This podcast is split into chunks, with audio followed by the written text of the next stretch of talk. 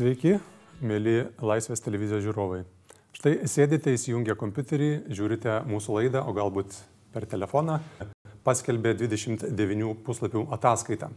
Joje kalbama apie tai, ko mes nematome, bet susidurime ko ne kiekvieną dieną. Tai yra grėsmės ne tik pačiam nacionaliniam saugumui, bet ir kiekvienam žmogui, kuris vartoja šiuos įrenginius. Šiandien į mūsų studiją atvyko du pašnekovai, kurie e, visą savo laiką skiria šiai tema tematikai. Tai yra e, Rytis Rainys, e, kibernetinio saugumo centro vadovas, taip pat Marius Pareščius, kibernetinio saugumo ekspertas. Ryte aš norėjau pasiklausti visų pirma, kam apskritai skirta ši ataskaita, kurioje pasakojama apie tokius dalykus, kurio daugelį vartotojų yra galbūt menkai suvokiami? Na, tai skirtai plačiai visuomeniai, praktiškai visiems, e, kas domisi ir kam aktualu. O rasti, kam neaktualu būtų šiais laikais, e, kibernetinis saugumas būtų sunku, nes visi turim įrenginius, kurie yra internete. O jeigu esame internete, kibernetinis saugumas turi būti visiems aktualus. Ir ką daryti su tuo ir kalba mūsų ataskaita. E, pirmą kartą savo kibernetinio saugumo ataskaitoje, o ją jau trečius metus iš eilės viešiname. E, kalbama ir kiekviena grėsmė, apie kurią ataskaita kalba, yra palydima rekomendacijomis. Tai toks išskirtinumas, kad negalima kalbėti turbūt tik tais gazdinti žmonės ir tik sakyti, kaip blogai, o reikia pasakyti, ką su tuo daryti. Ir ten, tarp, toje ataskaitoje yra apie tai kalbama. E, visi, kuriems e, apskritai įdomu, aš tikrai primiktinai siūlau jums to pasidomėti, šią ataskaitą gali rasti adresu nksc.lt e, prie, prie dokumentų. Vis dėlto bandysime šitą laidą sutraukti ir sutelkti visą dėmesį, taip pat pakritikuoti, nes visi dokumentai yra kritikuotini. Trumpai, kas puola ir ką puola, kalbant kol kas apie Lietuvą? Incidentų skaičius per ilgą laiką, kurie dirbame ir registruojame, pernai žymiai sumažėjo. Vos 3 procentais, tai galima sakyti, kad vis tiek incidentų skaičius Lietuvoje registruojama virš 50 tūkstančių yra daug. Per dieną virš 150 incidentų prasisuka tai, ką mes užregistruojam. Kas atakuojama, visi atakuojama. Visi, kas, sakau, internete yra prijungta. E, specialus dėmesys dėl išaugusių kibernetinių atakų skaičiaus turim pripažinti, kad visko apsaugoti neįmanoma, todėl mūsų strategija yra e, identifikuoti kritinės infrastruktūras ir jas stebėti ir juose registruoti incidentus ir, ir vykdyti na, atsaką į juos. Tai tokių incidentų, kurie registruojami e, kritinėse infrastruktūrose, arti 500 pernai metais buvo. Nuo tų servisų veikimų priklauso mūsų gerovė. Mariu, 52 tūkstančiai svetainių bent jau šitoje ataskaitoje minima, 52 e, procentai nesaugios. Tai ką daryti savininkui, jeigu jisai dabar galvoja, mano saugi ar nesaugi, tokį žingsnis po žingsnio patarimai ir apskritai e, kaip pati ataskaita atrodo? Jeigu, jeigu šiuo atveju svetainės savininkas savo svetainės neprižiūrėjo, net naujino, neturi IT žmogaus paskutinius bent du metus, uždaryti pačią svetainę ir užmiršti apie ją. Mes matome internete visą krūvą svetainių, kurios nėra atnaujintos daugiau kaip 10 metų. Ir tokių yra keliasdešimt procentų net. Mes matom svetainės, kuriuose yra įdėktos turinio valdymo sistemos su įvairiais vadinamais pluginais, kurios yra neprižiūrimos. Dizaino įmonė ar pats vartotojas pasidarė svetainę ir jos niekada neatnaujino. Jam tiesiog tai nerūpi. Jis sako, aš sudėjau informaciją, vartotojai tą informaciją mato, man Dabar jau viskas gerai, aš visko patenkintas. O kad ta svetainė yra e, atviras taikinys a, tiem, kurie nori tą svetainę įdėti savo turinį, a, padaryti tą svetainę kibernetinio a, turinio platinimu a, susijusiais dalykais, nieks į tai nežiūri. Nes svetainė, jei yra net naujinta bent kelis mėnesius, Šiuo atveju eina kalba, ko gero, apie pačią populiariausią turinio valdymo sistemą WordPress.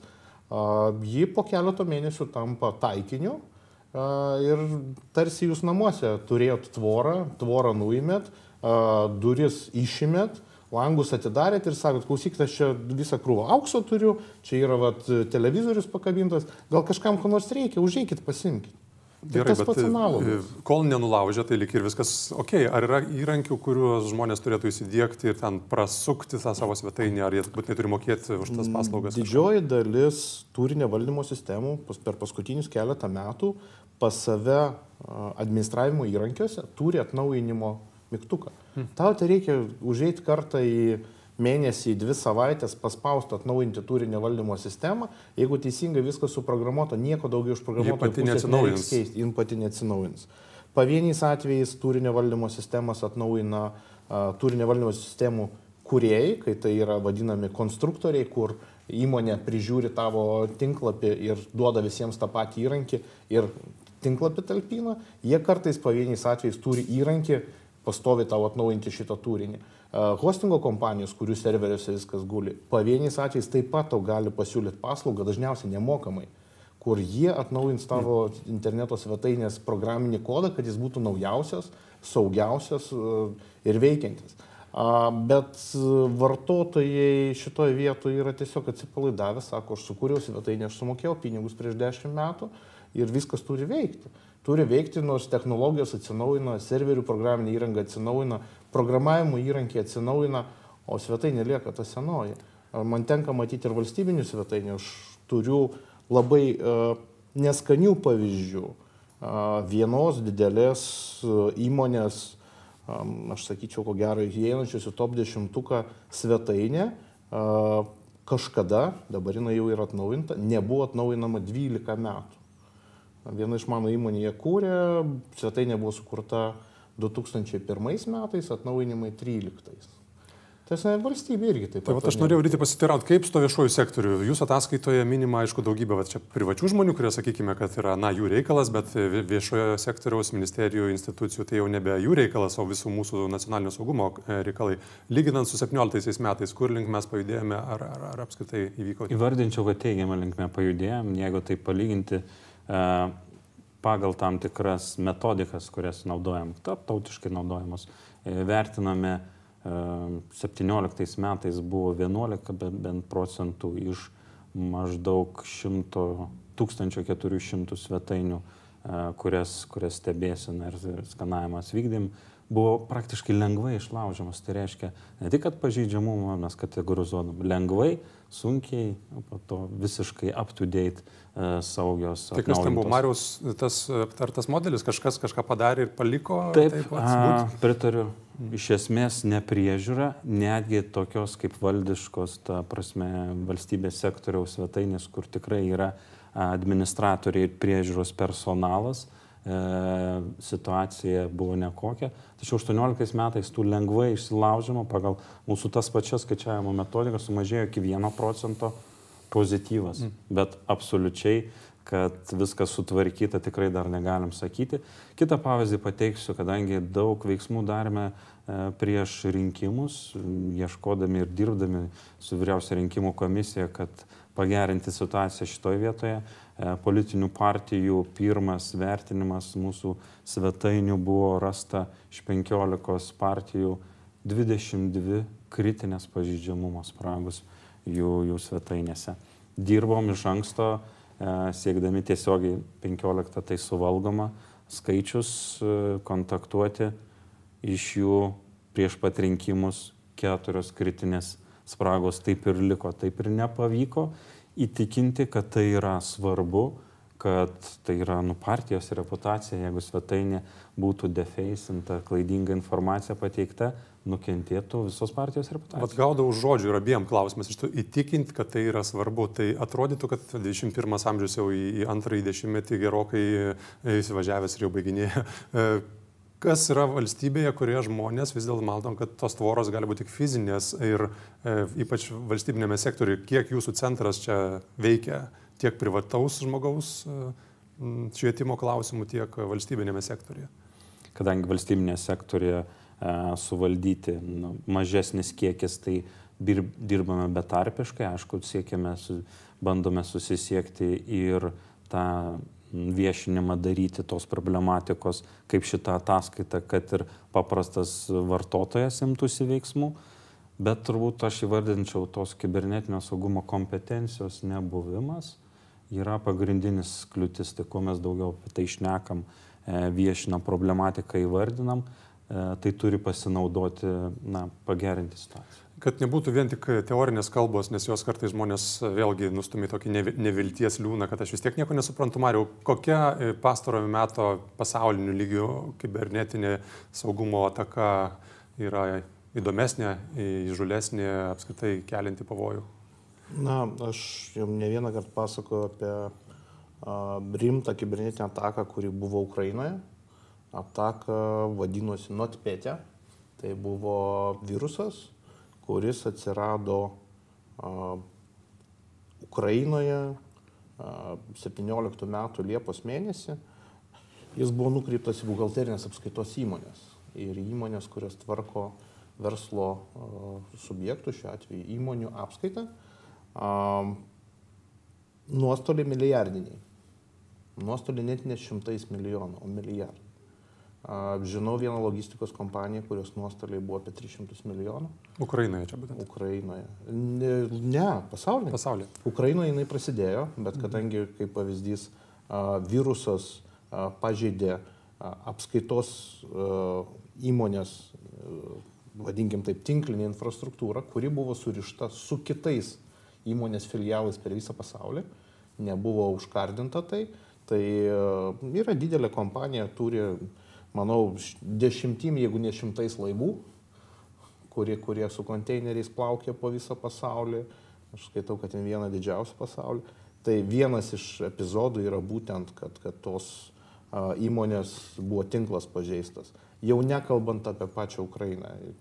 Oro uostai, kasos terminalai, terminalai bankomatų, informaciniai tablo, šviesoforai, vandens tiekimas, energetinis sektorius ir visi kiti sektoriai. Praktiškai atakos e, taikinys buvo apie 400 tūkstančių įmonių Ukrainos ir pasisekė, labai gražiai pasisekė.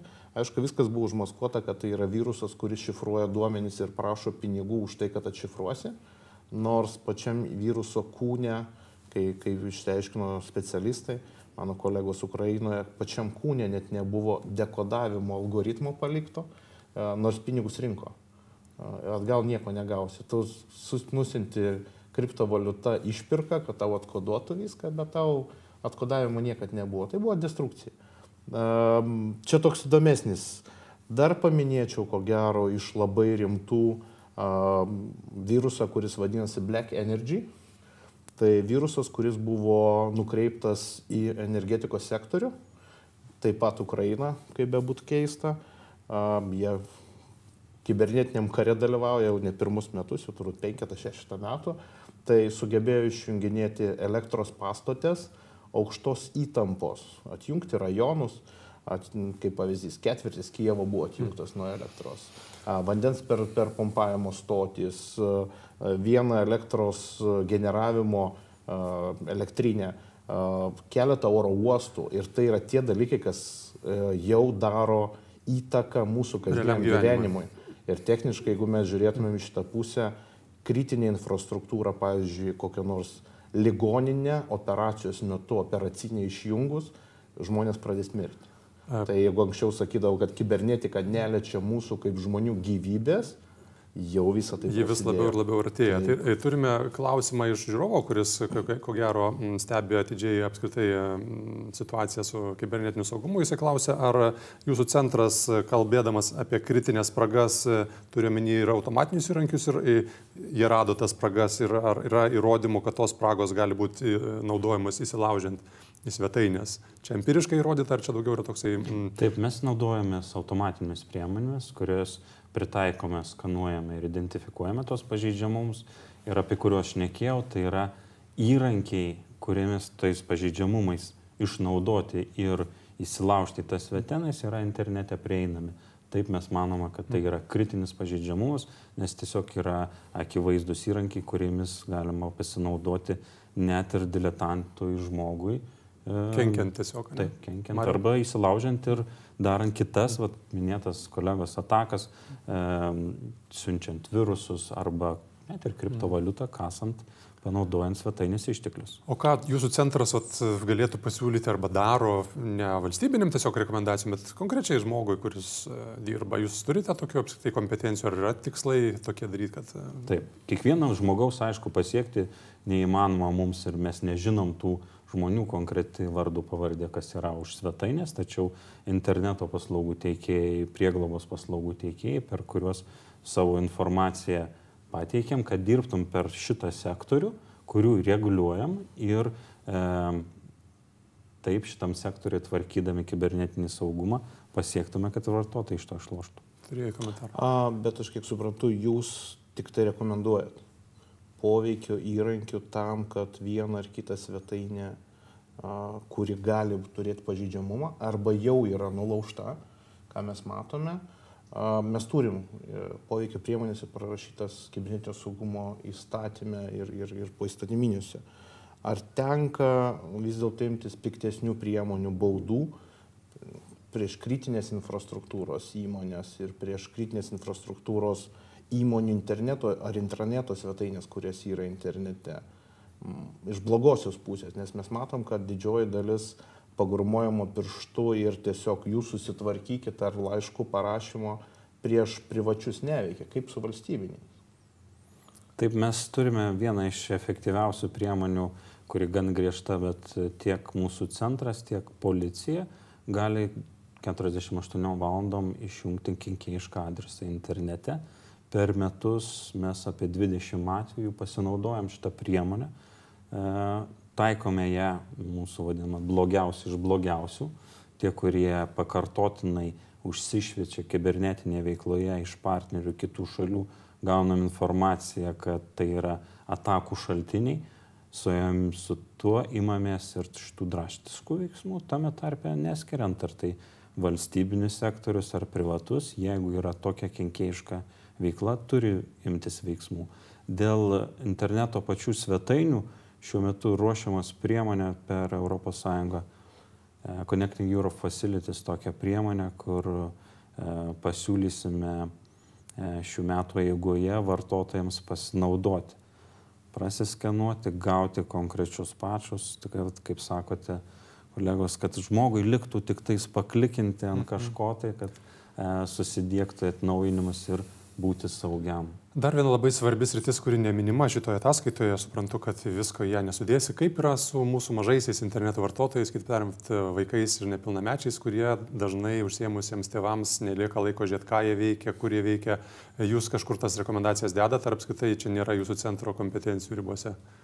Šiuo metu tiesiogiai nėra mūsų centro, bet teko man anksčiau pereina dirbti į kibernetinio saugumo centrą, dirbti ryšio reguliavimo tarnyboje, kur buvo sukurtas ir iki šiol veikia karštoji linija, pagalbos linija, e, kartu su vaikų linija, kur galima prisiskambinti ir gaudyti, gauti rekomendacijos, dirba savanoriai, keurą parą atsakinėja e, tokius skaičiaus incidentų, kai pasinaudoja e, mažamečiais vaikais, ypač didelis dėmesys ir turbūt mano požiūriu pagrindinė, pats blogiausias dalykas internete, vaikų seksualinio išnaudojimo medžiaga internete, su tuo kovojama, nei viena šalis netoleruoja, tuo labiau Lietuva ir šita tokia problematika, pavyzdžiui, išvalyta iš mūsų tinklų, visi operatoriai ar prieglobos paslaugų teikėjai, kai yra informuojami, kad toks turinys yra priegloboje, šimto procentų išima ir mes esam šitoje vietoje pavyzdžiui, susitvarkė, tokios sistemos dirba. Aš matau bėdas taip pat su jaunaisiais hakeriais. Tai yra jaunimu, kuris e, prisižiūrėjęs YouTube klipukų, pasiskaitęs internete, susiradęs darknete įrankius, bando laužtis. Man teko bendrauti ne su vienu iš tokių hakerių. Kokio amžiaus maždaug?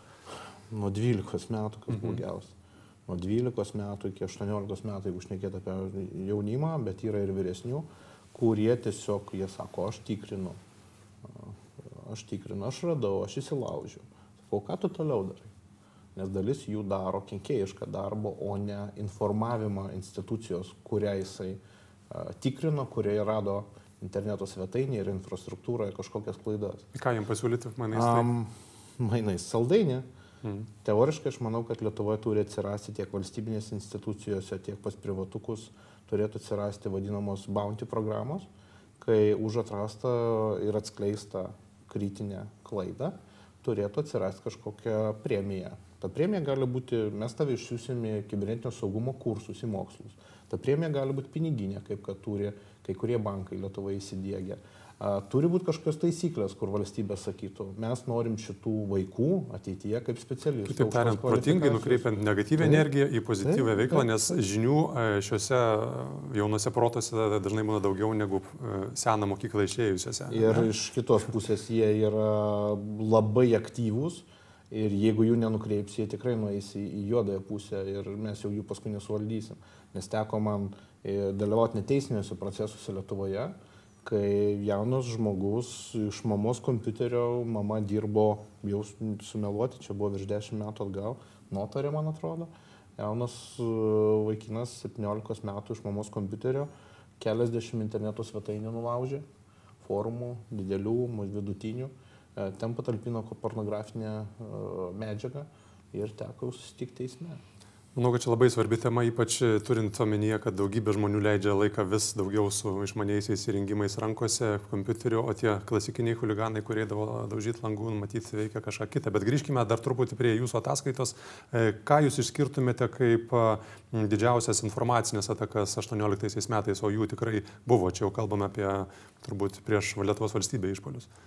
Taip, tai iš tikrųjų mastas yra didelis, virš 2000 tokių informacinių atakų mūsų kolegos iš kariuomenės yra identifikavę. E, naudojimo visos platformos, tiek naujienų portalai, tiek e, socialiniai tinklai tą informaciją talpinti ir skleisti.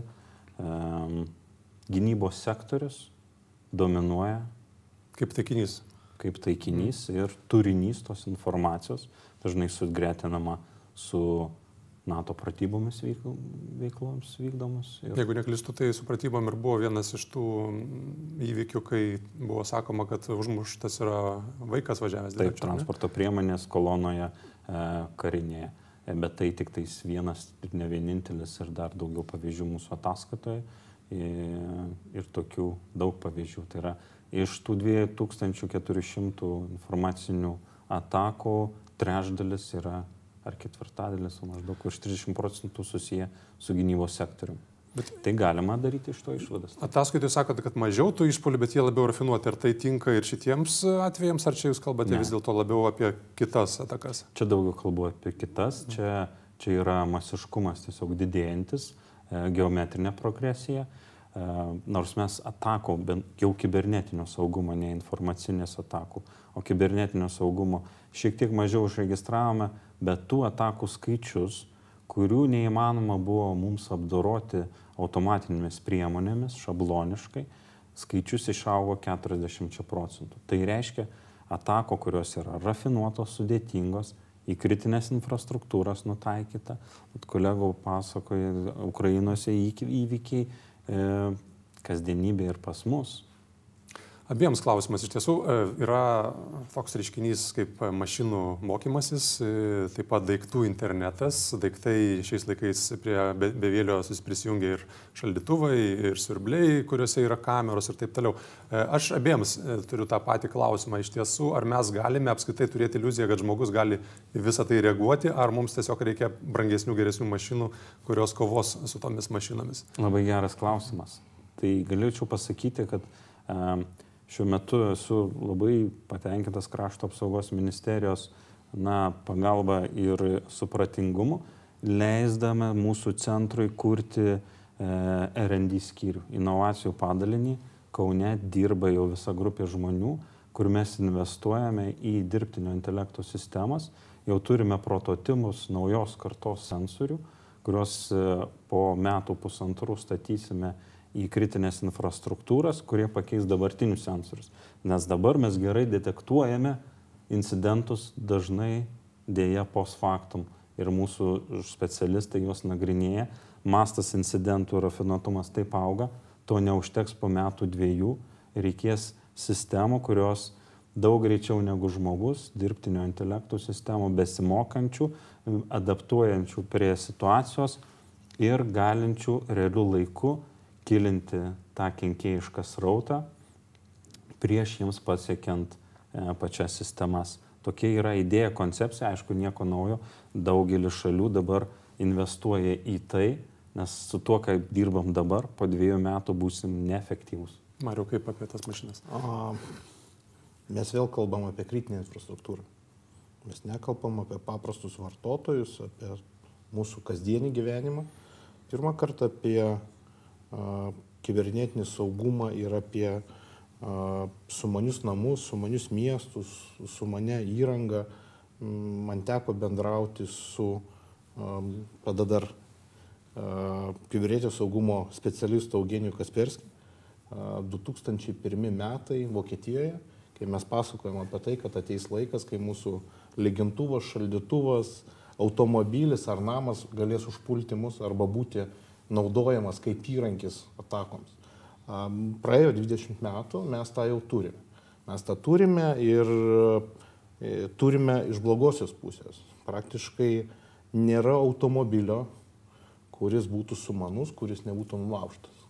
Kalbam apie Tesla automobilius, apie visus kitus automobilius, jie visi yra pažeidžiami, nes gamintojas, gamindamas šitos uh, sumanius įrenginius, nepagalvojo apie kibernetinį saugumą arba nepakankamai įdėjo laiko ir lėšų į tai.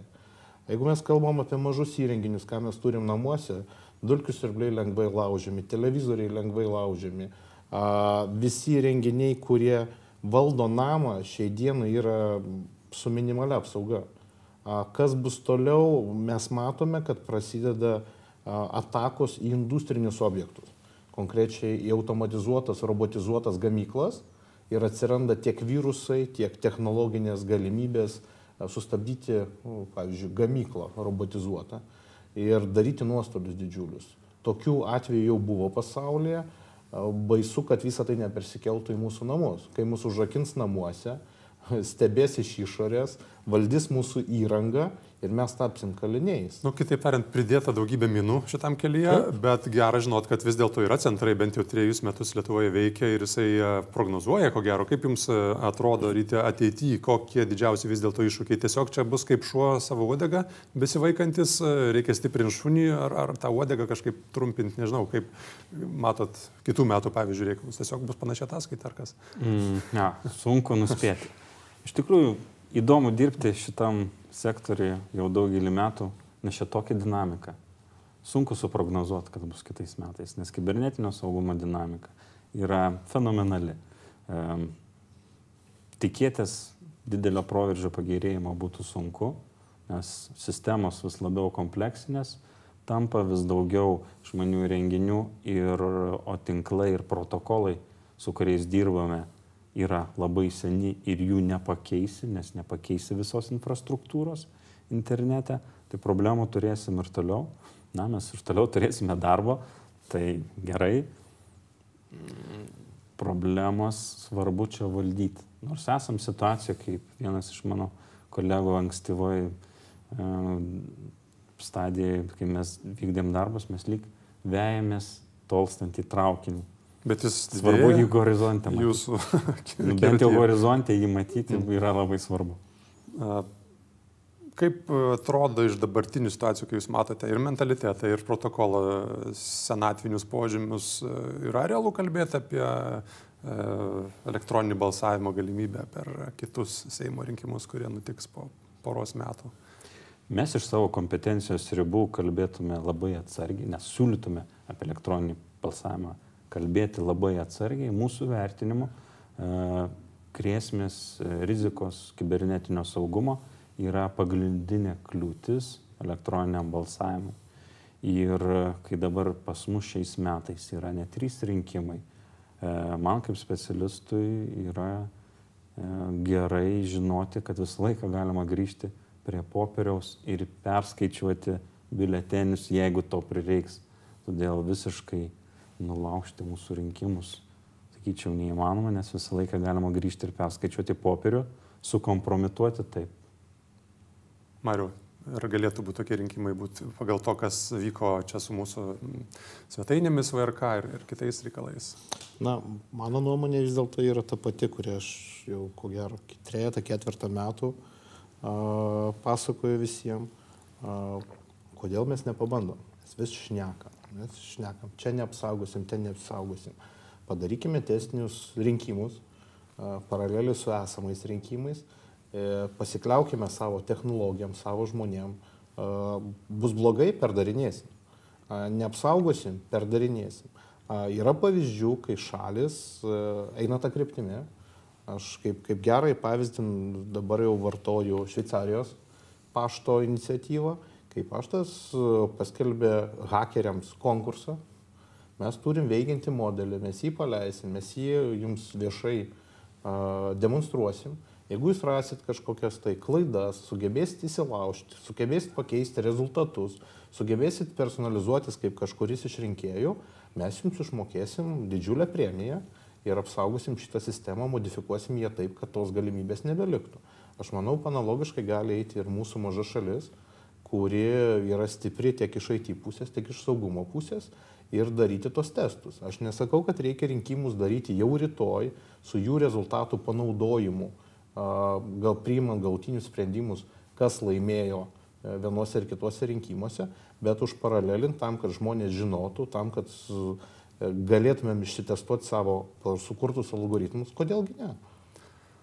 Gerai, ir e, baigiant žmogui, kuris žiūri ir jam tas kompiuterių pasaulis vis galbūt artimesnis tapo, e, iš kiekvieno jūsų norėčiau išgirsti tokius konkrečius e, receptus, ką jisai turėtų padaryti su savo visų pirma turbūt telefonu, paskui kompiuteriu, nu apie surblius galbūt po metų pasikalbėsime. Tai ryti ką žmogui daryti, kad jis būtų saugesnis. Na, visų gamintojas rūpinasi tavo įrenginio saugumu ir pateikia atnaujinimus, kuriuos vartotojui reikia įdėkti. Atsinaujinkite. Atsinaujinkite. Antras dalykas - mąstyti kritiškai. Didžiausias ir daugiausia žalos padaroma, kai vartotojų patiklumų pasinaudota. Noriu jūs patikėsite dabar, vienas iš paskutinių spamų laiškų. Nigerijos kosmonautą reikia gražinti iš kosmoso, net turi jie pinigų, reikia surinkti krepšelę pinigų, kad jis galėtų grįžti į tėvynę. Tikrai pervesite pinigų, kritiškai mąstykime. Aš iš savo pusės ko gero pridurčiau prie kolegos, kad prižiūrėkite savo pasijungimų duomenys. Ten, kur leidžia, naudokite dviejų faktorių autorizaciją, kai jums papildomai ar į programėlę, ar SMS žinutė yra atsiunčiamas kodas, kurį turite vesti. Papildomai peržiūrėkite savo slaptažodžius ir juos keiskite bet, bent kartą į pusmetį. Slaptažodžių ilgis turi būti ne mažiau 8 simbolių, geriausia, jeigu jis būtų 12 ar daugiau simbolių. Nenaudokite to pačio slaptažodžio dviejose vietose. Jeigu net prisimenat slaptažodžių, naudokit programėlės, kurios leidžia įsiminti slaptažodžius, nes tokia atveju, jeigu išlaus jūsų vieną slaptažodį, jūs jį naudosit kitoje vietoje, išlaus jūsų ir antrą paskirą antroj, antram socialiniam tinkle ar interneto svetainėje. Na ir aišku, jeigu jau šnekėti apie operacinės, tada papildomai apsaugai naudokite antivirusinės, kurias atnaujinti kasdien reikėtų. Kągi, ačiū e, Ryčiui e, Rainiui ir Mariui Pareščiui, kurie atvyko su mumis šiandien pasikalbėti apie e, kibernetinės grėsmės, o Prisidėdamas prie jų daugybės išmintingų žodžių, tiesiog linkiu jums nepamiršti sveiko proto, atsargumo ir nepulti į tuos pastus, kurių e, su metais tik daugės, galite tuo būti tikri. Ačiū, kad žiūrite Laisvės televiziją, remiate ir nepamirštate kartais skirti mums kasmet 2 procentų nuo savo paimų mokesčio. Iki kitų susitikimų mūsų eteryje.